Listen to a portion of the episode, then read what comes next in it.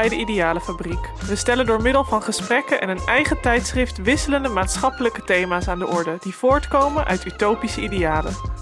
We zijn er om mensen en ideeën met elkaar te verbinden, om te inspireren tot nieuwe zienswijzen en te ondersteunen daar waar nodig.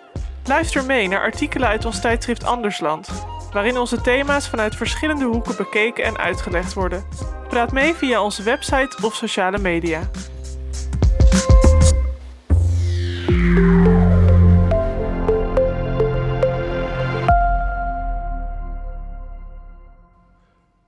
Het volgende artikel is geschreven door Lin Berger en voorgelezen door Danjano Zendveld. Lin Berger schrijft sinds 2013 voor de correspondent.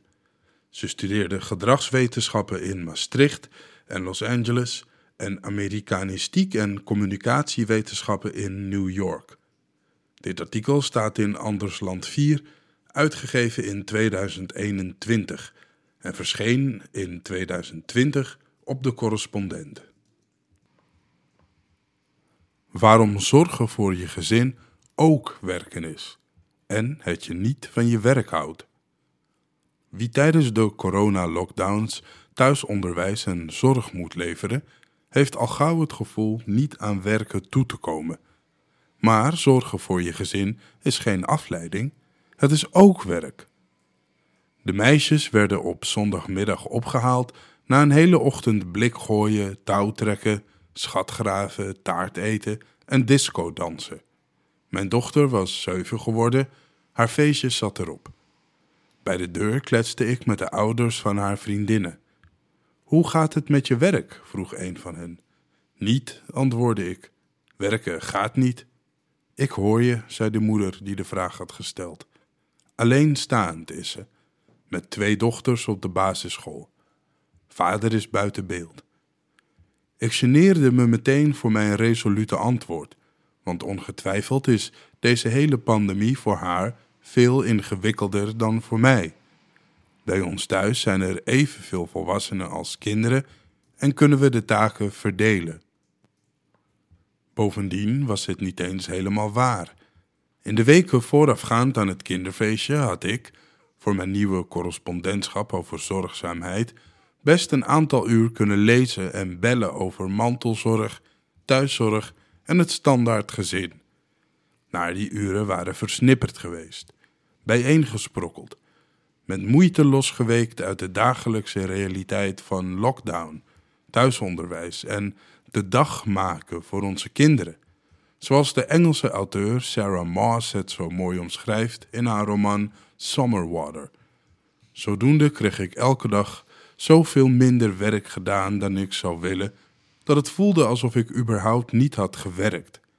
Maar misschien zou het beter zijn om te zeggen dat ik niet goed had nagedacht. Want wat is werk? Afgelopen najaar tweette de Amerikaanse econoom Nancy Folbre: Houd alsjeblieft op met zeggen dat ouders niet kunnen werken vanwege de zorg voor kinderen en gesloten scholen. Zeg in plaats daarvan dat ouders geen geld kunnen verdienen.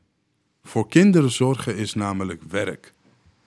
Die tweet kreeg duizenden hartjes, daarmee veel meer bijval dan Volberg gewend was.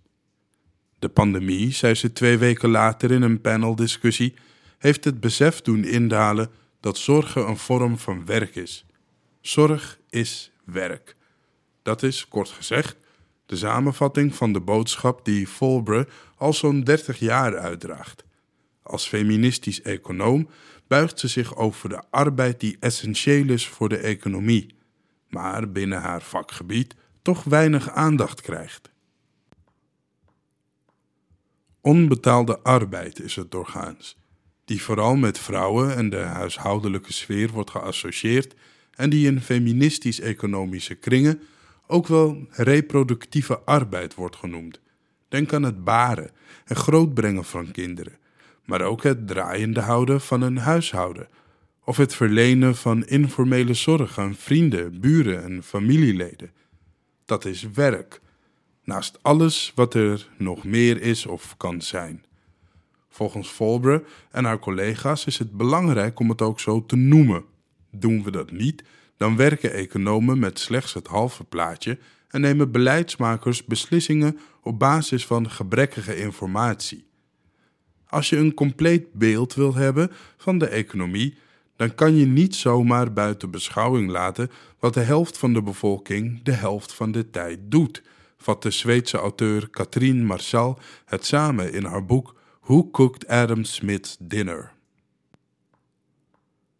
Door dat onvolledige beeld kunnen we bijvoorbeeld denken dat menselijk kapitaal zich als vanzelf aanbiedt aan de markt, alsof aan het ontstaan van goede werknemers geen jarenlang proces van zorg ten grondslag heeft gelegen, of dat de zorg voor familie, vrienden en het huishouden er gewoon wel even naast kunnen gebeuren, naast een betaalde baan, met als gevolg dat met name vrouwen zich geregeld opgejaagd voelen.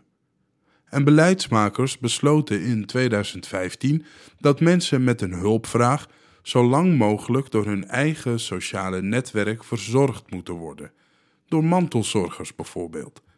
Zorgzaamheid laat zich niet afdwingen. Dat is mooi bedacht, maar voor wie daarnaast ook nog een baan heeft en niet direct bij de hulpvrager om de hoek woont, is de tax op een gegeven moment wel bereikt. De valse tegenstelling tussen liefde en geld. Nu ben ik inmiddels redelijk in deze materie ingevoerd. Goed genoeg zou je denken om deze tweede lockdown niet te zien als een periode waarin ik te weinig werk, maar één waarin binnen dat werk de nadruk is komen te liggen op zorg. Op de zorg voor mijn kinderen, op de fysieke kanten van die zorg, maar ook de mentale. Op het helpen van mijn dochter om het lezen en rekenen onder de knie te krijgen, en mijn zoon om zijn emoties wat minder ongereguleerd te uiten, zodat ze later kunnen functioneren in de samenleving, waar zowel zij als die samenleving profijt van zullen hebben. Want zoals Volbre opmerkte toen ik haar een paar maanden geleden samen met een collega interviewde, zorg is een publiek goed, net zoals een stabiel klimaat een publiek goed is. Er is een fysiek klimaat, maar er is ook een sociaal klimaat. En zorg draagt bij aan een goed sociaal klimaat. Het brengt sociale buren, goede vrienden en fijne collega's voort, mits het lukt natuurlijk en er genoeg tijd en ruimte voor is. Toch is er kennelijk een verschil tussen kennis en ervaring, tussen wat je weet en wat je voelt. En voor mij voelt zorgen, ondanks alles wat ik weet, toch nog steeds niet echt als werk. Een paar jaar lezen weegt, zo blijkt, niet op tegen wat ik een leven lang heb geïnternaliseerd, namelijk dat zorgen iets vanzelfsprekends is Iets wat je uit liefde doet en wat min of meer vanzelf gaat en daarom niet meetelt als werk.